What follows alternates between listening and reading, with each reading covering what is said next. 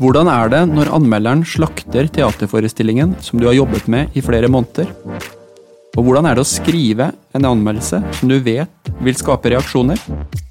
Velkommen til Innsikt, en podkast fra mediehuset Romsdals Bustikke. Mitt navn er Ole Bjørner Lo Velde.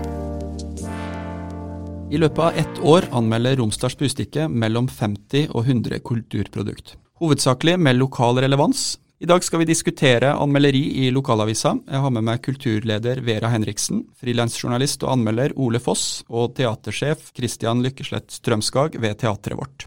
Før vi går videre, så tenkte jeg skulle si litt om hvordan vi velger ut hva vi anmelder. For en lokalavis er det viktig at det vi setter på trykk har lokal relevans, og vi utfordres ofte av eh, de som arrangerer noen ting på at avisa må komme, og at vi skal gi vår vurdering.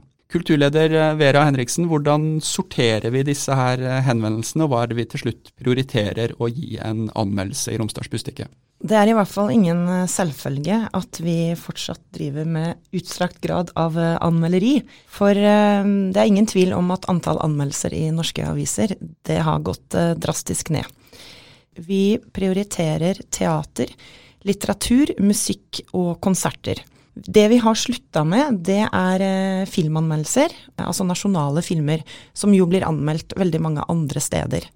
RB ønsker jo å være en eh, god kulturavis, og i det så ligger det et samfunnsoppdrag. Vi mener at dersom vi skal ta kunsten på alvor og se på kunst som en offentlig ytring, så må vi diskutere kunsten. Og det er derfor vi driver med kritikk. En av de eh, sakene som virkelig skapte en eh, debatt rundt anmelderiet i 2019, var anmeldelsen av eh, teatret vårt sin oppsetning 'Romeo og Julie'. Dette ble en av vår mest omdiskuterte kultursaker i året som har gått, og vi skal starte med å høre et lite klipp derifra.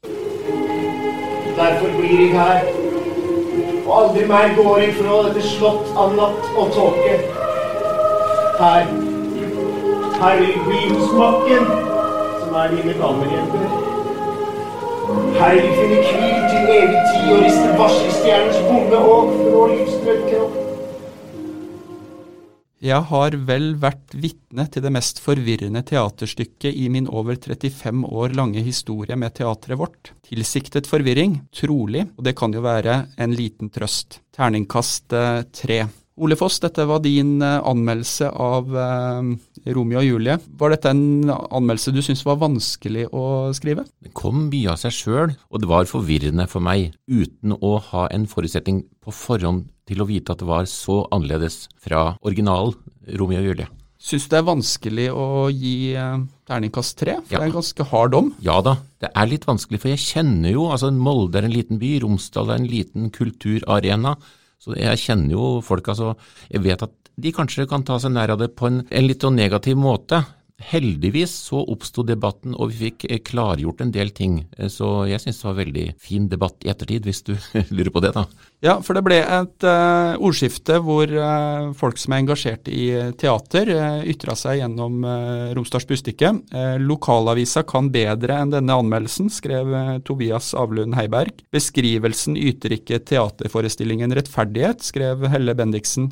Hvordan er det eh, som anmelder å motta denne type kritikk for eh, en anmeldelse? Eh, jeg har vært ganske trygg på meg sjøl som teaterpublikummer. For jeg har jo ganske lang fartstid som både aktiv inne i litt teatervirksomhet og anmeldervirksomhet, og som publikummer. Så jeg har sett mye og vurdert det her som må vurdere det opp mot de andre tingene jeg har sett. For meg, som en sånn umiddelbar følelse, så var det jo forvirrende. Jeg måtte gi uttrykk for det. Eh, når du mottok denne anmeldelsen, et eh, spørsmål som det kun er ett svar på, men gjorde du noen vurderinger i forhold til om skal vi publisere dette? Jeg og Ole vi hadde jo en diskusjon om, eh, om anmeldelsen. Fordi ja, det, det, pleier jeg jo ofte å ha. Og så er det ofte at vi får en diskusjon om terningkast. For det som er viktig for meg, er at eh, teksten og vurderingen står i forhold til terningkast, sånn at de to hører sammen. Og det hadde jeg og, Ole en runde på, og vi landa, eller Ole landa selvfølgelig til slutt, på terningkast eh, tre. Så jeg var veldig trygg på Ole sin vurdering, og jeg syns det var en velskrevet anmeldelse, og som begrunner godt hans vurdering og opplevelse av stykket. Kristian eh, Lykkeslett Strømskag, hvordan reagerte du som teatersjef på eh, denne anmeldelsen? Jeg går ut fra at det er en viss eh, spenning når det har vært en premiere knytta til hva anmelderne mener?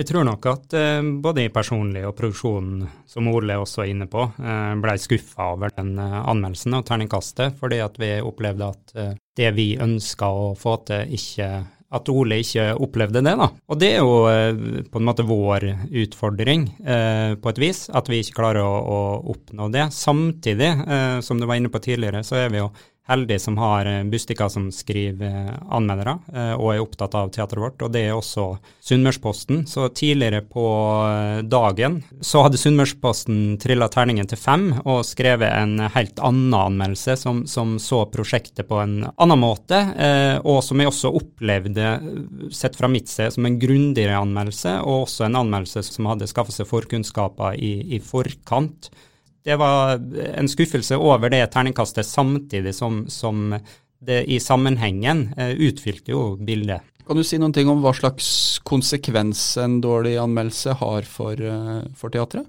Det er det ikke noe riktig svar på, eller et godt svar på, for det kan slå veldig ulikt eh, ut. Her opplevde vi jo både med anmeldelsen, men også med samtalen og debatten etterpå, at det ga en økt interesse for, for Romeo og Julie. Men jeg tror også at det har potensielt også, og denne gangen har skremt bort eh, noen folk, men det var andre som, som fatta interesse. Så, så, summen av det er vanskelig å spekulere i, men vi er veldig prisgitt eh, Bustika og anmelderne i forhold til besøkstall.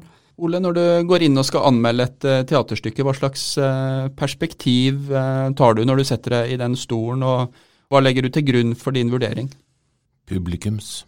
Altså, Den tar helt klart det perspektivet, og går ikke veldig grundig inn i forarbeidet. Jeg ser det på som en forestilling. Jeg har alltid brukt det der som en, å bruke folkeligheten eh, som et sånn, eh, litt sånn forslitt begrep, men eh, prøver å være folkelig. Og jeg har hatt eh, mye god diskusjon med mennesker i etterkant.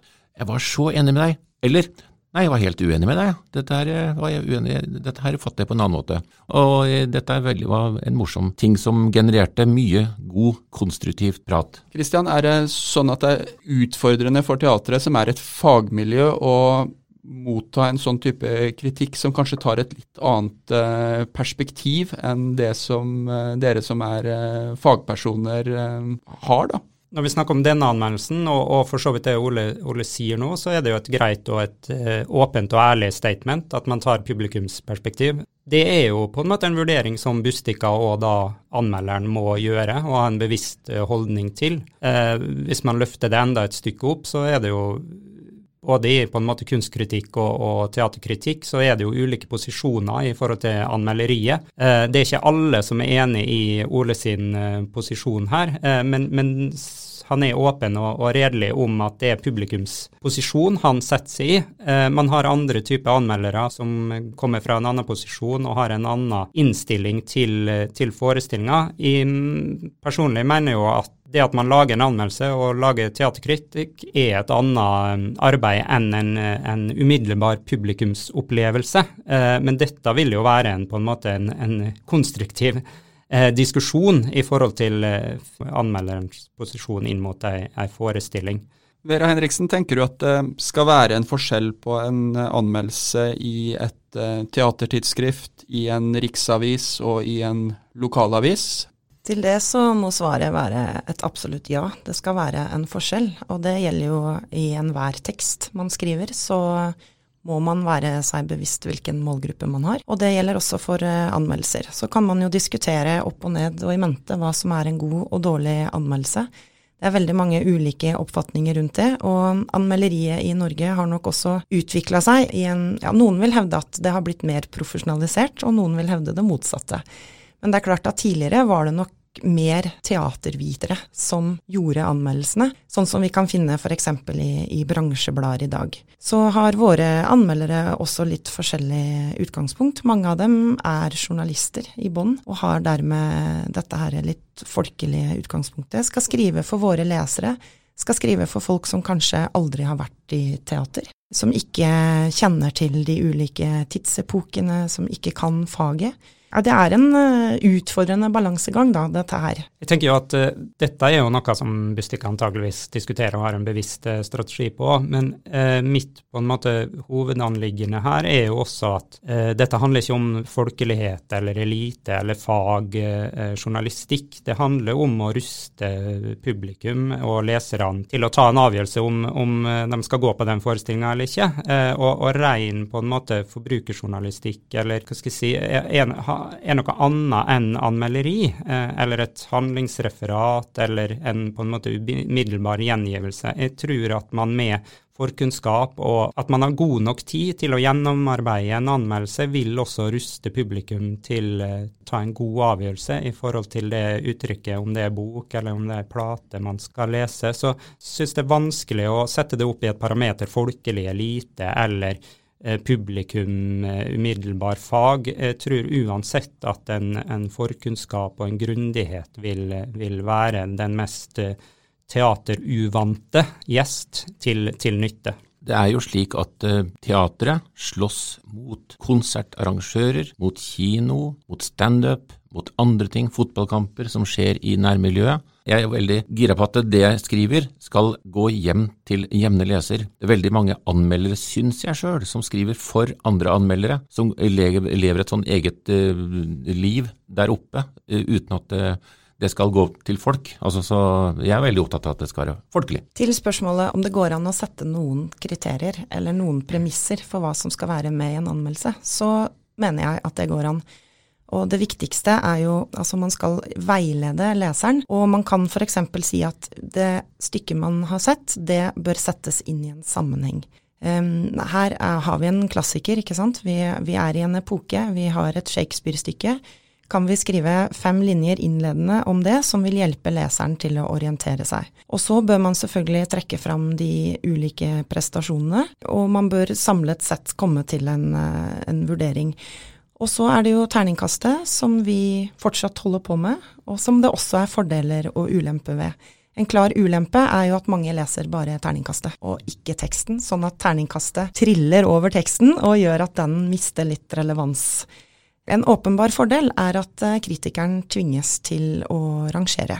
Det ser jo vi også når vi ser på lesertallene våre, at hva slags terning vi ender opp med, har en uh, direkte konsekvens i forhold til lesing. Altså en høy terning, en lav uh, terning, har vesentlig høyere lesing enn en terning uh, som befinner seg i midten. Og I forhold til vår skala når det gjelder teaterkritikk, så er nok en treer, sånn som det ble gitt i denne saken, da av publikum oppfatta som en lavterning. Og dette var jo en anmeldelse som ble mye lest og um, jeg skal ikke si uvanlig mye lest, men, men som, som, var godt lest, da, som fikk, eh, fikk, oppmerksomhet. Men jeg tenker jo nesten Ole, at det du skriver kunne jo fortjent en ener eller en toer også. Eh, har, du, har, du, noen vurdering på det sånn i ettertid? Det var jo fargerikt og flott, og jeg tok jo høyde for at mange i salen ga uttrykk for at de likte det. Klart, noen av sekvensene i anmeldelsen var nede på en ener, altså det var det, og følelsene også. Og jeg skrev, Det er én setning jeg angrer litt på. Jeg skrev vel anbefaler ikke, på en måte, eller, eller strøyker den, husker ikke. Men jeg skulle jo selvfølgelig anbefale folk å gå og se den her sjøl. Ja, og det tror jeg jo debatten førte jo til en økt oppmerksomhet. Om det slo ut i billettsalg, det er vi litt usikre på, på ennå. Men syns jo dette her var strålende å få teateret vårt at, at, en sånn interesse om en forestilling, og, og både anmeldere og motanmeldelser, er jo bare en det er bare å takke og bukke for å få det. Og når det er sagt, så er vi jo, som, som dere var inne på tidligere, og vi er jo privilegerte at vi blir anmeldt, og at f.eks. da Ole eh, har den erfaringa han har, og kjenner teateret vårt så godt. Så nå diskuterer vi jo den ene anmeldelsen, men forholdet til, til spørsmålet ditt, Ole Bjørner, forholdet til Ole og til byen og til aktørene, det tror jeg er helt uproblematisk. Vi ser en stor interesse både hos Bustika og hos anmelderne for teateret vårt. og Sånn er det ikke i alle lokalaviser og alle regioner. Ingen har så mange venner som dere. Nei, vi har jo 600 teatervenner. Det er jo enestående i nasjonal eh, sammenheng. Til slutt så tenkte jeg vi skulle snakke kort om uh, kulturjournalistikkens uh, plass i lokalavisa. De aller fleste lokalaviser har vært gjennom en forandring nå, hvor man har gått fra å ha papiravisa som hovedprodukt, til at den digitale nyhetsflyten har blitt vesentlig viktigere. Med det så har vi også fått analyseverktøy som kan si noe om lesing og engasjement som ulike stoffkategorier eh, genererer. Og rundt om i landet så har dette blitt oppfatta som en utfordring for, eh, for kulturjournalistikken. Eh, Vera Henriksen, hva tenker du om kulturjournalistikkens framtid i, i Romsdals Bustikke, og hva tenker du er viktig at vi velger å prioritere? Kulturstoffet har åpenbart eh, hatt utfordringer i overgangen fra papir til eh, digital publisering. Det ser vi av eh, lesertallene. Vi kan jo se litt på oss selv og tenke kanskje vi skal eh, presentere kulturjournalistikken vår på en annen måte. Eh, jeg tror heller ikke at eh, disse tallene for nettlesning viser det hele bildet. Paradokset er jo at kulturkonsumet går jo opp. Vi har mer fritid, kulturbudsjettene øker, og vi forbruker stadig mer kultur. Så sånn sett så skulle interessen faktisk vært økende, og ikke minkende. Eh, jeg har i hvert fall trua på at eh, kulturstoffet skal eh, være viktig satsing for Romsdals Bustikke også framover. Det er en del av samfunnsoppdraget vårt. Vi kan helt sikkert jobbe med oss sjøl i presentasjonen av det, og i hvilke saker vi prioriterer, og, og hva vi leter etter. Så jeg velger å være optimistisk tenkte utfordre teatersjefen eh, til slutt. Hva slags forventninger har du til kulturdekning i lokalavisa? Oh, det er vanskelig å peke ut en uh, vei der. Eh, både Molde by og Møre og Romsdal er jo en by og et fylke med kulturinteresse. Eh, så, så, jeg tror jo vi er på en måte eh, heldige og privilegerte, både vi som brukere og, og vi som driver med kultur. Eh, det er jo spennende det vi går inn i nå, både på vår side og sikkert for, for Bustika i alle de nye teknologiske muligheter. Og vi ser at folk lytter og ser, og eh, kanskje ikke leser så mye på papir. Eh, det finnes jo noe, både kanskje noen samarbeidsmuligheter, eh, selv om vi skal holde hattene på hvert vårt hode, men også noen måter å formidle det vi driver med, da, teater, på, på andre vis enn å skrive om det. Så der er jo spennende å se hva vi kan få til sammen og hver for oss. Hvis du får velge, vil du ha en uh, dårlig anmeldelse, eller vil du ha ingen anmeldelse? Ja, det var det jeg liksom uh, stakk til Ole her nå. Jeg ville hatt terningkast én istedenfor terningkast tre. Og gjerne terningkast fem eller seks neste gang, da. Én og, og, fem uh, hadde vært fint. Da takker jeg Ole Foss, eh, Vera Henriksen og Christian eh, Lykkeslett eh, Strømskag for at dere deltok i denne debatten. Så kommer vi tilbake med mer interessant fra Romsdals Bustikkes 2019 i en ny episode. Du har hørt Innsikt, en podkast fra mediehuset Romsdalsbustikket. Ved å abonnere på denne podkasten får du automatisk beskjed når en ny episode er klar.